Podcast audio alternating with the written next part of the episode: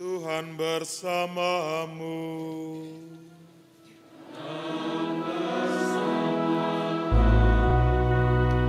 Inilah Injil Yesus Kristus menurut Santo Matius.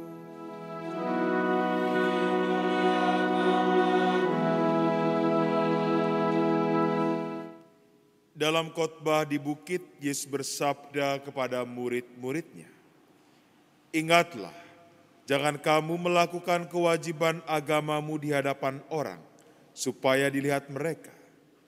Karena jika demikian, kamu tidak beroleh upah dari Bapamu yang di surga. Jadi apabila engkau memberi sedekah, janganlah engkau menggembar-gemborkan hal itu seperti yang dilakukan orang munafik di rumah-rumah ibadat dan di lorong-lorong supaya dipuji orang. Sesungguhnya aku berkata kepadamu, mereka sudah mendapat upahnya. Tetapi jika engkau memberi sedekah, janganlah diketahui tangan kirimu apa yang dilakukan tangan kananmu. Hendaklah sedekahmu itu diberikan dengan tersembunyi, maka Bapamu yang melihat yang tersembunyi akan membalasnya kepadamu. Apabila kamu berdoa, janganlah berdoa seperti orang munafik. Mereka suka mengucapkan doanya seperti berdiri di rumah-rumah ibadat dan pada tikungan-tikungan jalan raya, supaya mereka dilihat orang. Sesungguhnya aku berkata kepadamu, mereka sudah mendapat upahnya. Tetapi jika engkau berdoa, masuklah ke dalam kamarmu, tutuplah pintu, dan berdoalah kepada Bapamu yang ada di tempat tersembunyi. Dengan demikian, Bapamu yang melihat yang tersembunyi akan membalasnya kepadamu. Apabila kamu berpuasa, janganlah muram mukamu seperti orang munafik. Mereka mengubah air mukanya supaya orang melihat bahwa mereka sedang berpuasa. Sesungguhnya aku berkata kepadamu, mereka sudah mendapat upahnya. Tetapi apabila engkau berpuasa, menyakilah kepalamu dan cucilah mukamu, supaya jangan dilihat oleh orang bahwa engkau sedang berpuasa. Melainkan hanya oleh Bapamu yang ada di tempat tersembunyi. Maka Bapamu yang melihat yang tersembunyi akan membalasnya kepadamu. Demikianlah sabda Tuhan. Suster, bruder, Bapak, Ibu, saudara-saudari, rekan-rekan muda dan adikku yang terkasih dalam Kristus. Ajakan bertobat menjadi sebuah tema yang kita dengar dalam tiga bacaan ini. Bacaan pertama dari kitab Nubuat Yoel, Nubuat Yoel. Dikatakan berbaliklah kepadaku dengan segenap hatimu, dengan berpuasa, dengan menangis dan mengadu. Koyakanlah hatimu dan jangan pakaianmu. Berbaliklah kepada Tuhan Allahmu, sebab ia pengasih dan penyayang. Bacaan kedua, Rasul Paulus kepada jemaat di Korintus juga mengajak umat untuk kembali kepada Allah, bertobat. Dan bacaan Injil semakin menekankan hal-hal yang harus dilakukan. Bersedekah, lalu juga ketika bersedekah jangan tunjukkanlah apa yang dilakukan oleh tangan kananmu terhadap tangan kirimu. Lalu juga terkait berdoa dan akhirnya berpuasa. Dari tiga bacaan yang baru saja kita dengarkan, maka ada tiga hal penting.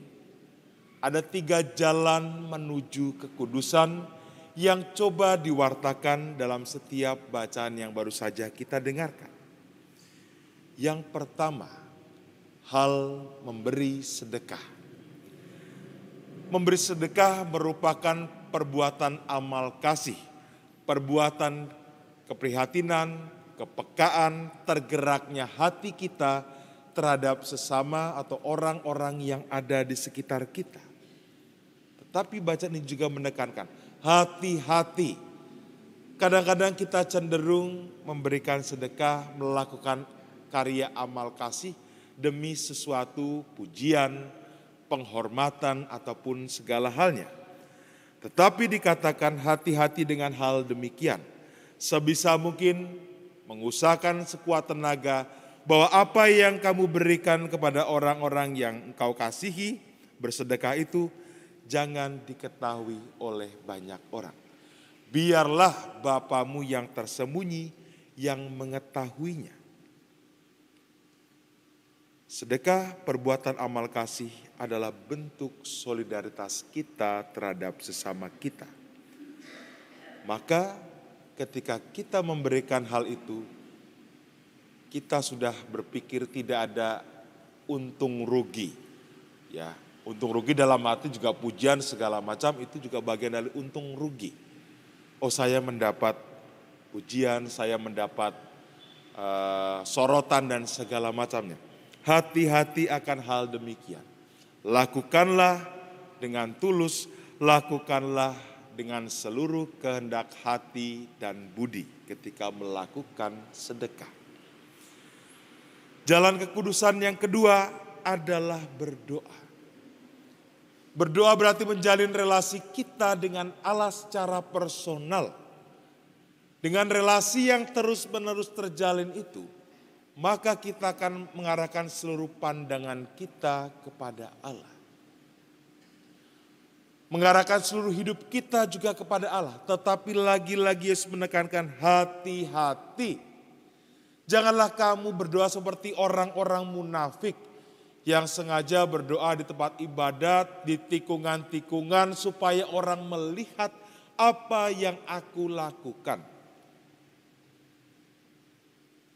Berdoalah di tempat yang tersembunyi. Biarlah orang lain tidak mengetahui. Biarlah berdoa menjadi sebuah ruang antara saya dengan Allah. Menjadi ruang komunikasi kedekatan personal antara saya dengan Allah.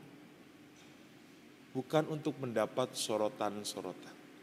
Kalau tidak, hati-hati kita akan jatuh pada kesombongan rohani. Merasa bahwa saya berdoa lebih panjang, berdoa lebih kusuk, maka saya lebih suci, lebih baik daripada orang lain.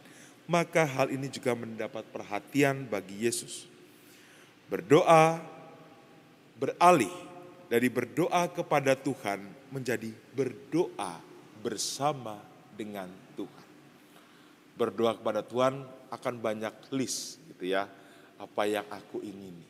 Tetapi ketika berdoa bersama Tuhan, Tuhan sebagai temanku di dalam perjalanan ketika aku ingin mengarahkan diri kepadanya. Jalan kekudusan yang ketiga adalah tentang berpuasa dan bermati raga. Tentu dalam setiap agama atau kepercayaan hal ini tidak asing ya. Melakukan puasa, bermati raga, mengendalikan diri dan segala macamnya ini sebagai salah satu bentuk pertobatan yang nyata. Maka juga ditekankan hati-hati kalau puasa itu jangan lalu menunjukkan muka yang lesu, lemas gitu ya. Seolah-olah supaya orang tahu nih aku lo sedang puasa gitu ya. Atau mungkin orang-orang zaman ini membuat story gitu ya, sedang puasa ya. Tadi Instagram, di Twitter, atau media sosial yang lain. Tapi hati-hati, untuk apa? Karena ruang saya bersama dengan Allah itu ruang yang personal kita bisa menutupi kerapuan-kerapuan kita, kepalsuan-kepalsuan kita kepada orang-orang di sekitar kita. Tetapi tidak dengan Allah.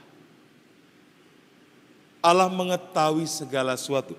Jadi ketika berpuasa ya minyakilah rambutmu, basuhlah e, wajahmu supaya seakan-akan dia semua seperti biasa saja.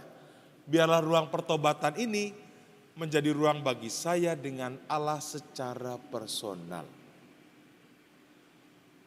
Bukan untuk orang lain, bukan untuk mendapat pujian. Kalau untuk mendapat pujian bukan uh, melakukan puasa dan mati raga. Karena ini ruang personal antara saya dengan Allah. Dengan demikian, kalau dirangkum tiga jalan menuju kekudusan, yaitu sedekah, doa, dan berpuasa, maka yang perlu kita cek lagi adalah sejauh mana aku menjadi sentral, pusat dari seluruh pertobatan. Kalau masih pusatnya adalah aku, maka kita masih uh, melakukan tiga hal ini untuk puji-pujian, untuk hal-hal lain, supaya orang menjadi memberikan perhatian lebih kepada kita. Tetapi ketika ini semua demi Allah, maka hal-hal yang kita lakukan tiga hal ini harusnya tidak ditunjukkan dan tidak masalah ketika orang tidak merespon itu. Suster, brother, frater, bapak, ibu, saudara, saudari, rekan-rekan muda dan adik-adikku yang terkasih dalam Kristus. Kita memulai masa pertobatan kita. Kita melakukan pertobatan kita dengan pantang dan puasa. Ya, kita sudah tahu eh, apa yang menjadi kewajiban atau siapa saja yang berpantang dan berpuasa. Karena ini menjadi bentuk dari poin yang ketiga, berpuasa, berpantang, bagian dari pertobatan kita. Maka berpantang dan berpuasa itu bukan suatu hal yang latah. Artinya dari dulu turun temurun, dari agama mana pun, kepercayaan mana pun, ya kalau mau bertobat melakukan hal itu. Saya mengutipkan uh, hal yang menarik dari Santo Ignatius Loyola terkait ber, terkait dengan pantang dan puasa. Yang pertama, pantang dan puasa berarti menyilih dari dosa-dosa kita di masa lalu. Tentu setiap dari kita tidak lepas dari segala kerapuhan, kelemahan diri. Maka ketika kita berpantang dan berpuasa, berarti kita menyilihkan dosa-dosa di masa lalu kita.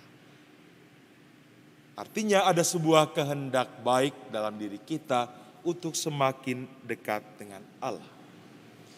Yang kedua, berpantang dan berpuasa berarti mengalahkan diri, menaklukkan diri, mengatur diri.